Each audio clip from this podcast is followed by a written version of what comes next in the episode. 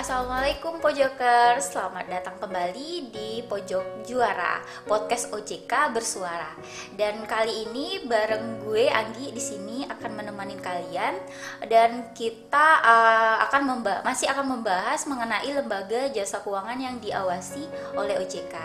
Dan uh, sekarang sudah hadir narasumber kita dari uh, eh, PT Pegadaian Persero dengan Bapak Muhammad Rido. Yeah. Beliau merupakan junior manager Pak ya di PT yeah. Pegadaian Persero cabang Bengkulu. Assalamualaikum Pak Rido atau Mas Rido ini saya manggilnya. Panggil Rido aja. Mas Rido, Rido aja. Mas Rido. Iya. Yeah. Ya, ini sebelumnya terima kasih Pak sudah memenuhi uh, uh, apa undangan kita untuk mengisi podcast uh, eh, OJK. Ini uh, mungkin sebelum masuk ke materi ini uh, sekedar mungkin Bapak tahu aja ini merupakan uh, apa program budaya di OJK Bengkulu ini namanya OJK Cerdas. Jadi uh, uh, nantinya uh, apa insan OJK itu apa menambah wawasan insan OJK dan juga masyarakat nanti yang mendengarkan ya, gitu. Uh, ini uh, mungkin langsung saja sebenarnya ini kan uh, perusahaan pegadaian Pak ya, yeah. lembaga pegadaian. Uh, sebenarnya apa sih Pak lembaga pegadaian itu kalau orang awam seperti saya nih taunya lah uh, lembaga pegadaian bisa ditanya orang nih lembaga yeah. pegadaian itu apa sih? Yeah, oh itu kayaknya tempat gadai deh gitu kan apa benar tuh cuman segitu aja itu oh, lembaga okay. pegadaian itu atau ada cakupan yang luas mungkin bisa bapak jelaskan sebenarnya okay. itu apa sih lembaga apa Oke, okay, terima kasih ya Mbak Anggi ya. uh, mungkin di masyarakat pada umumnya memang tahunya pegadaian adalah tempat gadai. Uh, sedikit saya jelaskan bahwa pegadaian itu merupakan uh, salah satu BUMN yang ada di Indonesia yang bergerak di bidang jasa gadai dan fidusia dan aneka jasa lainnya uh, dan tetap diawasi oleh OJK. Hmm. Jadi di pegadaian itu sekarang selain ya tempat menggadai hmm. yang orang tahunya pegadaian tempat menggadai hmm. itu kita juga bisa uh, untuk menikmati layanan-layanan atau produk-produk lainnya. Hmm seperti uh, investasi emas okay. dan aneka pembayaran-pembayaran multi payment yang lainnya kayak gitu. Oh gitu. Jadi bukan sebatas tempat gadai aja Iya, dulunya orang tahunya kayak gitu. Iya. Ya. Ada untuk uh, apa uh, produk fidusia gitu fidusia ya, juga ada fidusia, seperti itu ada investasi ada juga. investasi emas ke emas ya emas ya oke okay. kalau sejarah pegadaian sendiri itu sebenarnya uh, ada uh, asal mulanya asal mulanya ya itu mungkin bisa bapak ceritakan ah oke okay. kalau untuk uh, asal mulanya mungkin uh, dari tahun kita jauh ke belakang ya hmm. dari tahun 1746 1746 iya ya? berarti udah berapa tahun ya? Udah sebelum jauh jauh sebelum jauh merdeka, merdeka. Itu pada tahun 1746 sebenarnya pegadaian itu udah hadir di Indonesia. Jadi VOC mendirikan yang namanya dulu Bank Van Lening. Nah itu jadi pemberian pinjaman berdasarkan basis gadai. Tapi kita baru resmi berdiri di Indonesia itu pada tahun pada tanggal 1 April 1901 di kota, di kota Sukabumi. Jadi uh, sesu, berdasarkan itu kami pun berulang tahun. Kalau di tahun 2020 kemarin itu 1 April 2020 hmm. kami berulang tahun di 119 tahun. Waduh. Nah, jadi kami di Indonesia ini sudah hadir 119 tahun. Jadi dari tahun 1901 sampai 2020 okay. kita juga sudah berkembang mulai dari namanya perusahaan negara, perusahaan jawatan, perum dan terakhir di tahun 2012 kami menjadi PT Pegadaian Persero udah Persero kayak gitu. Iya. Nah, uh, tadi di awal Bapak sudah menjelaskan ya ada produk-produk pegadaian yeah. seperti tadi ada investasi emas, ada produk gadai sendiri untuk gadai barang ya. Yeah. Gadai barang terus ada jaminan fidusia. Tuh. Mungkin bisa Bapak jelaskan nih produknya itu seperti apa karakteristiknya okay. produknya satu-satu Oke, okay, terima kasih Mbak Anggi. Uh, ya, kita di pegadaian itu uh, secara umum atau secara garis besar kita ada tiga tiga ini tiga layanan namanya tiga kan. Layanan, okay. Yang pertama yaitu bergerak di bidang gadai gadai, yang kedua emas, yang ketiga aneka jasa lainnya. Uh, mungkin kita bahas satu persatu aja ya, yeah. nggak terlalu panjang juga. Yeah. Yang pertama yaitu uh, gadai, yaitu yang namanya sistem gadai emas, mm -hmm. gadai BPKB. Terus yang kedua uh, emas, nah, kita juga ada nama investasi emas. Jadi eh, untuk investasi emas sendiri kita ada tiga tiga layanan. yaitu pembelian emas secara kredit, pembelian emas secara cash dan investasi tabungan emas. Jadi untuk emas sendiri kita ada tiga layanan.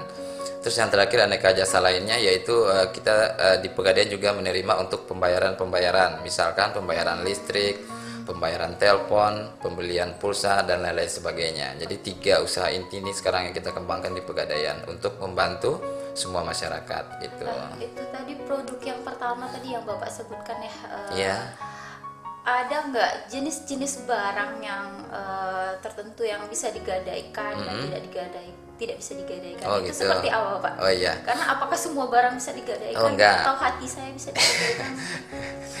untuk di Bungkulu sendiri uh, kita kalau untuk gadai kita cuma nerima uh, ini untuk kota Bungkulu ya. Uh, gadai emas, oh, gadai emas, uh, gadai emas, terus uh, gadai BPKB, hmm. terus barang-barang elektronik, uh, dan uh, sepeda motor atau kendaraan bermotor. Nah, itu yang bisa di Pegadaian Bungkulu sekarang. Karena di setiap daerah ada perbedaan juga, mungkin di daerah timur juga bisa menerima kayak gadai tertentu yang ada, ada harga pasarnya di daerah itu kayak gitu. Jadi untuk Kota Bungkulu sendiri kita menerima yang sudah disebut tadi, emas, terus uh, apa tadi BPKB, BPKB Eh, atau kendaraan bermotor, barang-barang elektronik gitu. Terus ada juga yang terakhir kita juga nerima namanya produk kita yang baru tabungan emas. Jadi tabungan emas itu sendiri nanti bisa juga digadai di pegadaian gitu. Tabungan emas sendiri. Tabungan emas, uh, ya. yang bisa digadaikan itu yang seperti apa, Pak? Oh, tabungan emas ini. Emas ini uh. Iya, kan kita ada produk namanya tabungan emas. Oh, itu produk dari Iya, produk sendiri, pegadaian sendiri yang baru uh, lumayan baru di pegadaian hmm. tabungan emas itu setiap uh, nasabah yang udah mempunyai saldo lebih dari satu gram itu bisa digadai. Oke. Okay. Nah, kita udah nabung nih. Kita udah nabung bisa nih. Kita gadaikan kembali. Ah, bisa kita gadaikan kembali oh, kayak okay. gitu. Oh, kalau di leasing itu misalnya kita beli mobil terus kendaraan kita eh, kita apa? Bisa gitu ya. Nah, pembiayaan lagi gitu ya. ya ah, oh, gitu. Kalau emas kayak gitu juga. Ah, iya, Jadi Uh, prinsipnya tabungan emas ini e, masyarakat itu tetap menabung uang tapi langsung kita saldonya langsung kita konversikan ke emas. Jadi di tabungan emas itu nanti e, apa namanya saldonya itu langsung gram. Misalkan hari ini harga emas sekitar 800-an nasabah menabung misalkan satu juta. Berarti dia udah dapat saldo sekitar 1, sekian gram gitu. Nah, untuk e, misalkan tiga hari lagi dia butuh uang. Dia bisa gada yang satu gram tadi kayak gitu nanti tinggal ditebus misalkan dia pakai uh, eh, 15 hari misalkan bisa ditebus dengan sewa modal tertentu nantinya gitu. Oke. Kalau syarat-syaratnya sendiri Pak untuk barangnya nih, mm -hmm. untuk barang uh, pergi gada itu ada nggak sih uh, misalnya kendaraannya itu harus yang tahun baru kalau oh, yeah. kalau fidusia misalnya. Mm, yeah. Apakah ada syarat-syarat tertentu? Yang seperti itulah. Oke, okay. uh, kalau untuk persyaratan gadai, hmm. uh, khusus untuk gadai emas uh, itu nggak mempunyai persyaratan secara spesifik hmm. karena kalau masyarakat atau nasabah punya emas hmm. bisa langsung datang ke pegadaian uh, membawa emasnya dan uh, kartu identitas diri seperti KTP atau paspor. Terus kalau untuk yang fidusia yang berbasis fidusia itu memang persyaratannya uh, untuk uh, pandemi COVID ini sendiri kita ada syarat khusus yaitu harus atas nama sendiri. Uh, tahunnya itu kalau untuk motor itu lima tahun terakhir. Lima tahun terakhir. Lima tahun terakhir dan untuk uh, mobil itu 10 tahun terakhir gitu. Oke baik. Uh, mungkin uh, ini ada lagi nih saya mau uh, dibahas lagi terkait dengan apa namanya kredit uh, tadi pembiayaan ya pembiayaan tapi ya. sebelumnya ini kita jeda dulu pak. Okay. ini saya sudah kode-kode soalnya. Oh iya. Kita jeda dulu setelah okay. yang mau lewat. Tadi yang mau lewat soalnya. Oke okay, Jokers uh, uh, jangan ke mana-mana tetap di sini mojok di sini aja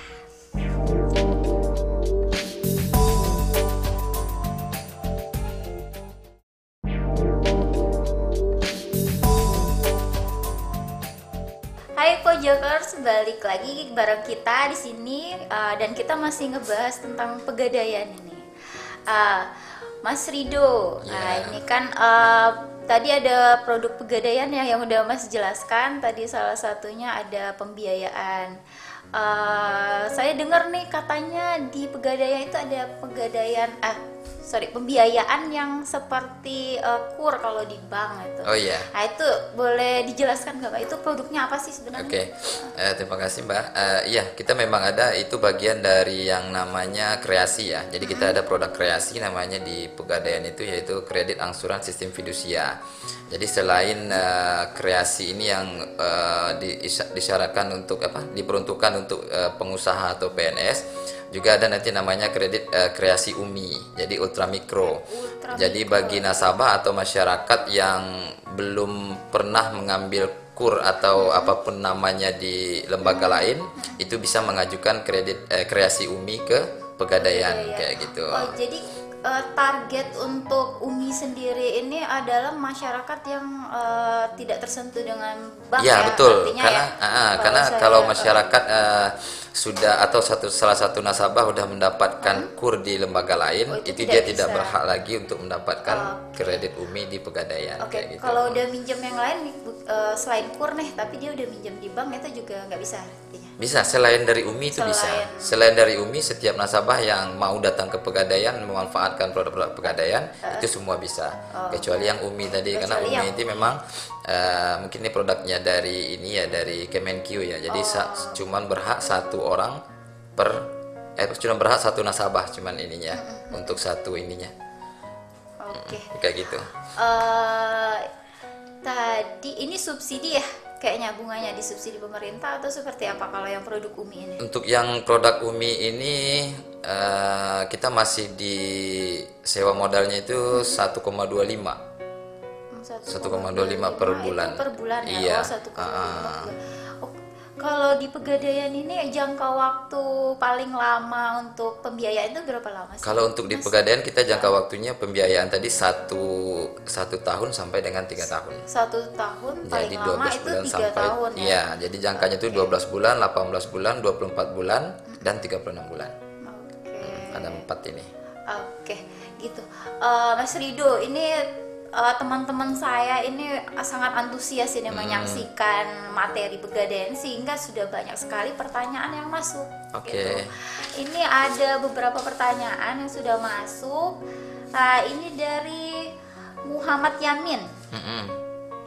Ini pertanyaannya bagaimana cara aktivasi aktivasi aplikasi pegadaian? Hmm Terus dia nanya juga ini produk umroh di Pegadaian. Oke. Okay. Oke, okay, itu mungkin bisa langsung jawab ini. Oke. Okay. Untuk yang pertama terima kasih Pak Yamin. Uh. Uh, untuk yang pertama bagaimana cara aktivasi uh, Pegadaian digital ya? Kalau untuk aktivasi Pegadaian digital sendiri itu bisa langsung dari uh, handphone Android mm -hmm. dari Pak Yamin sendiri. Uh, tinggal diinstal, diinstal mm -hmm. di Android Pegadaian digital itu bisa langsung aktivasi Nanti kalau okay. untuk uh, ininya nanti uh, apa namanya untuk CIF-nya nanti bisa ditanyain ke uh, pegadaian terdekat. Ke cabangnya. Ke Tetap cabang harus ke cabang ya? Enggak, dari misalkan dari PIC misalkan lewat WA juga bisa nanti CIF atas nama hmm. saya berapa atau memang masih ada kalau dia udah buka tabungan emas, hmm. itu di tabungan emas itu ada yang namanya CIF. Jadi yeah. CIF itu nanti di bagian pengaturan pegadaian digital itu bisa langsung dilingkan. Nah, jadi kalau udah dilingkan berarti aktivasinya udah selesai. Kalau untuk aktivasi finansialnya, untuk pendaftaran rekening bank di pegadaian digitalnya itu memang harus kita ke outlet. Okay. Karena nggak bisa lewat aplikasi oh, sendiri. Nah, okay. Jadi sangat gampang ya uh, buat masyarakat ya. atau nasabah-nasabah kami yang belum mengaktifkan pegadaian digital, silakan di-download di Androidnya dengan nama pegadaian digital. Barusan kita juga dapat kabar dari kantor pusat bahwa sekarang untuk pembiayaan arum haji mm-hmm. itu juga udah masuk di pegadaian digital. Jadi oh, dari pegadaian okay. digital bisa langsung lebih, lebih gampang. Iya, lebih gampang. Apalagi saat pandemi sekarang kita apa namanya? Eh, hashtagnya di rumah aja kan. Iya, nah, di rumah jadi aja. di rumah aja lebih sering lebih apa namanya? lebih santai di rumah dengan menggunakan pegadaian digital gitu. Okay. Terus satu lagi saya tambahin uh-huh. uh, untuk yang belum meng uh, apa namanya? mengupdate ya, mengupdate di Androidnya silakan update pegadaian digital di Android uh, salah satu menu yang kita update adalah uh, apa namanya nih tambah pinjaman melalui tambah aplikasi pinjaman. pegadaian digital. Nah, jadi yang selama ini masyarakat atau nasabah pegadaian yang mau tambah pinjaman harus ke outlet. Sekarang udah bisa kita layani lewat pegadaian Eh, digital. tambah kayak gitu. pinjaman ini artinya eh, dia itu sudah menjadi nasabah dulu Iya. ya kalau belum Nah, jadi nasabah belum tambah bisa pinjaman ini maksudnya nasabah yang udah menggadai di pegadaian, Ah. tetapi pinjamannya belum maksimal. Misalkan, top up nah, ini ya. top up. Misalkan nasabah punya emas 10 gram, Hmm. maksimal gadaiannya 6 ju- 6 juta, tapi di di awal dia cuma ngambil 4 juta. Nah, jadi yang 2 jutanya nanti bisa ditambah atau top up pinjamannya. Itu bisa lewat pegadaian digital gitu. Jadi di rumah aja. Oke, di rumah aja, sob ya. pojokers.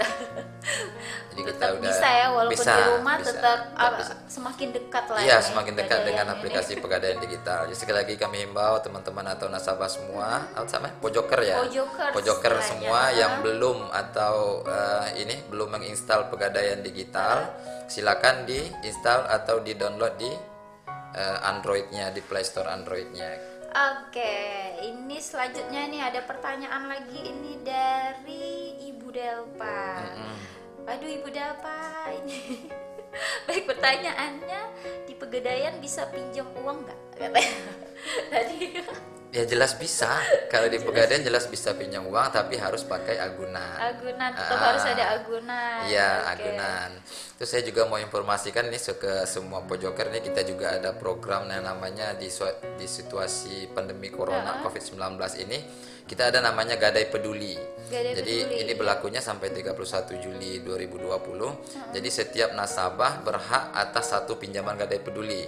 Jadi Gadai Peduli ini adalah pinjaman di bawah satu juta itu kita bebaskan dari sewa modal. Misalkan pinjaman dia sejuta nanti nebusnya juga sejuta.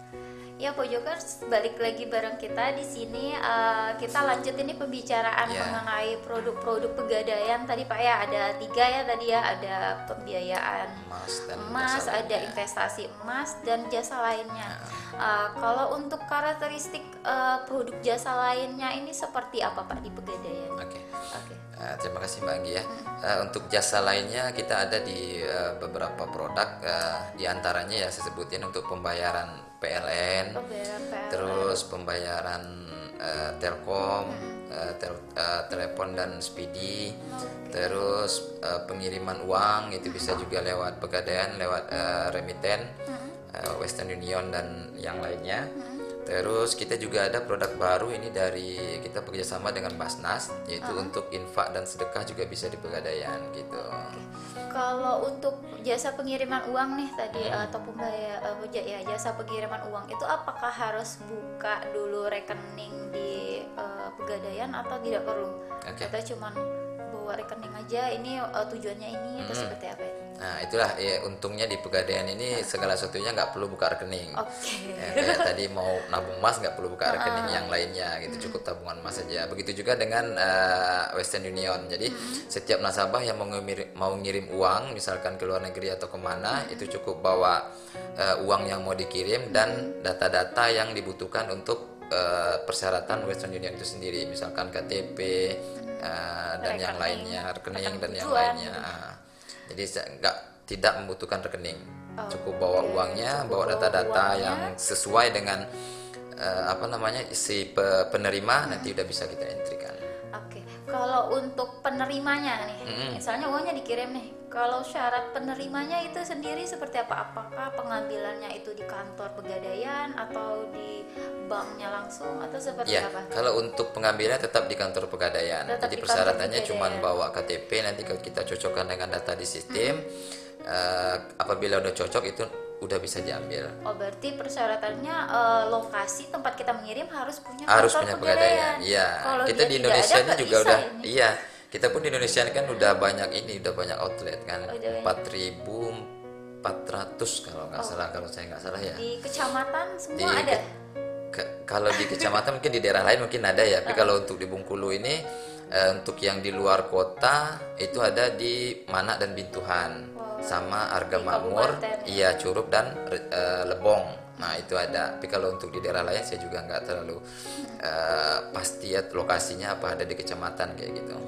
Oke, gampang sekali berarti Iya, pokoknya kalau intinya mau di setiap uang, daerah pegadaian sekarang udah ada oh, gitu. sudah hadir di Ah. daerah-daerah. Oke. Jadi dari 4.400an outlet itu sekarang. Oke, Eh, pembayaran online listrik uh, uh, listrik uh, telepon segala macam itu cuman langsung memberikan nomor tujuan Iya. aja ya. memberikan Terus nomor rekening nomor ini langsung terbayar langsung terbayarkan Langsung hari itu juga. Hari itu tanpa juga. menunggu hari kerja berapa tanpa hari menunggu kerja hari gitu. kerja. Langsung, langsung ya. Otomatis sama kayak juga pembayaran SPD juga langsung. langsung ya tidak memerlukan hari kerja biasanya kan ada tuh kadang-kadang dia butuh ha, ya tiga hari ya kerja terpending terpending Ah. dulu kalau kita langsung nggak real time kalau ini real, Real time, time, ya. ya. Ternyata banyak sekali nih yang Banyak tidak kita sekali. ketahui tentang pegadaian. Saya taunya cuma gadai-gadai aja. Makanya kita pun di pegadaian kan bagian pemasaran kan harus ini jadi diperintahkan sama pimpinan ya terus melakukan sosialisasi ke masyarakat. Karena setiap eh, periode itu produk kami bakalan nambah terus. Kayak tadi yang barusan saya sebut kan ada eh, kerjasama dengan Basnas tadi itu banyak yang belum tahu bahwa infak sedekah dan zakat itu bisa disalurkan melalui pegadaian kayak gitu kan. Jadi kita disuruh secara terus menerus untuk melakukan sosialisasi ke eh, seluruh masyarakat. Dan nanti untuk event-event yang besar kita juga akan mengundang OJK kan kayak kita dulu ngadakan seminar haji, Iya. seminar emas itu OJK pasti kita undang. Eh, Mas Rido, ini ada pertanyaan lagi nih Eh, dari Pojokers. Ini dari Pak Purnomo. Pak Purnomo ini eh, menanyakan bag- eh, berapa lama jangka waktu, jangka Oh iya, waktu jangka waktu, gadai emas itu sampai berapa lama sih? Oke, terima kasih ya Pak Purnomo. Eh, untuk jangka waktu gadai itu kita kasih waktu kepada nasabah itu selama 120 hari 120 atau hari. empat bulan. Nah, jadi selama 120 hari itu nasabah bisa melakukan eh, cicil atau pelunasan. Kalau melakukan pelunasan, nanti kita hitung sewa modal itu berdasarkan hari yang udah dipakai. Misalkan nih kita kita kasih jangka waktu 4 bulan atau 120 hari. Nggak taunya di hitungan 30 hari nasabahnya udah udah ada rezeki dan menebus barang gadaiannya. Itu sewa modal yang kita yang dibayarkan oleh nasabah itu hanya sebesar 30 hari yang dipakai kayak gitu. Jadi jangka tetap 120 hari kita kasih, tapi untuk penebusan itu sesuai dengan berapa hari yang dia pakai.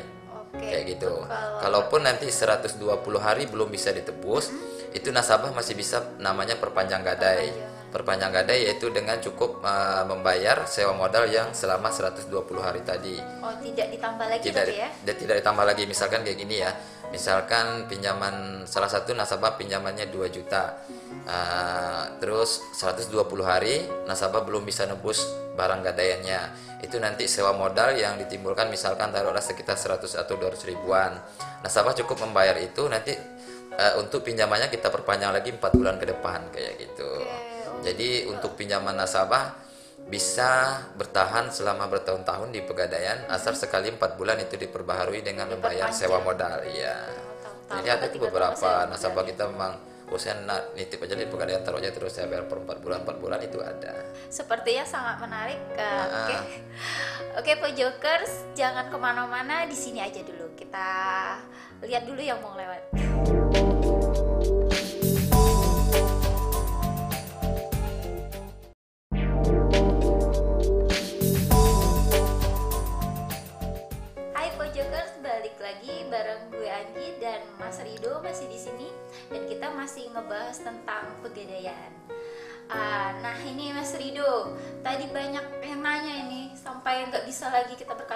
Lagi Iya.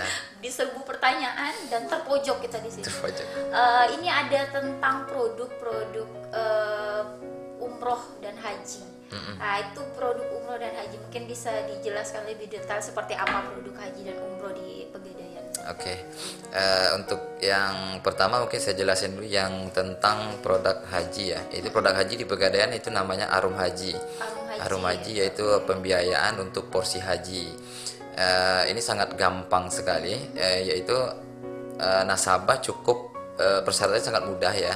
Nasabah cukup punya emas atau tabungan emas sebesar atau seberat tiga setengah gram itu udah bisa mendapatkan porsi haji dari pegadaian. langsung terdaftar. Iya, ya? langsung nanti kita kasih pinjaman sebesar 25 juta. Nah, 25 juta itu nanti yang di eh, apa namanya didaftarkan di eh, Kementerian Agama karena persyaratan utama untuk eh, mendapatkan porsi haji adalah pembayaran 25 juta. 25 juta. Nah, jadi untuk uh, arum haji sendiri sangat gampang sekali ya, cukup gadai atau titip emas tiga setengah gram itu udah bisa mendapatkan pinjaman sebesar 25 juta dan langsung kita daftarkan di Kementerian Agama dan mendapatkan porsi haji. Itu uh, hanya emas ya yang boleh. Iya, kalau untuk arum haji cuma emas, ya. Okay. Terus yang satu lagi yang untuk uh, umroh yaitu kita ada namanya Arum Safar.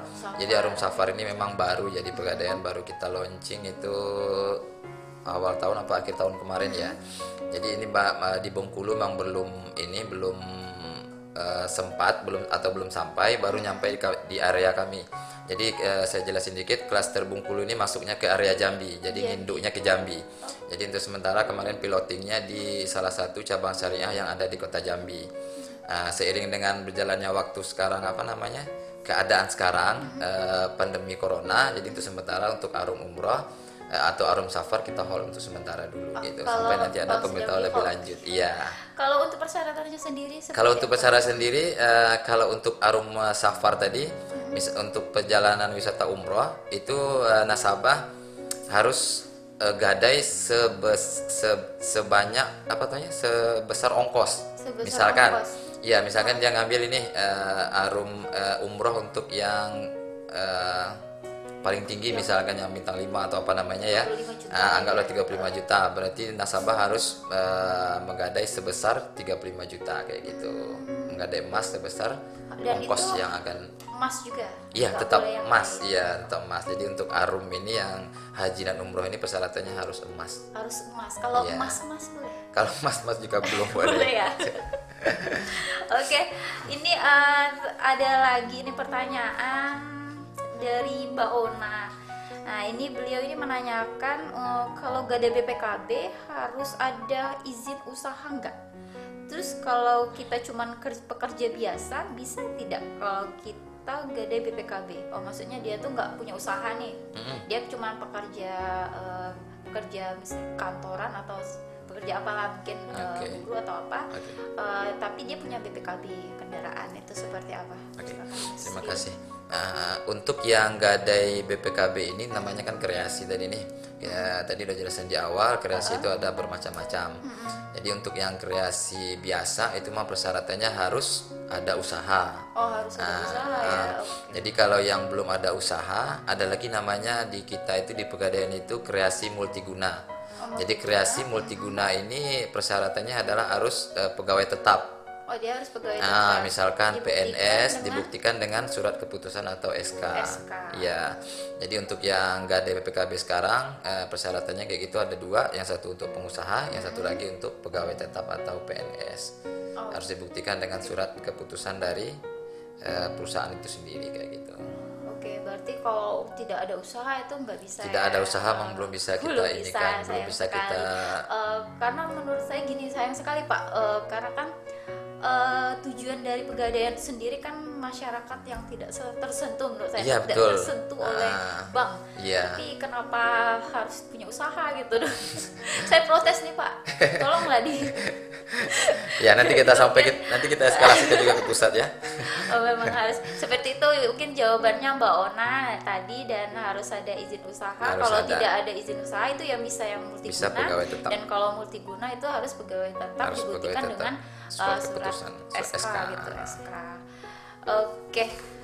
mungkin ini sesi terakhir pak. Uh, mungkin bisa di pesan-pesannya untuk pojokers nih.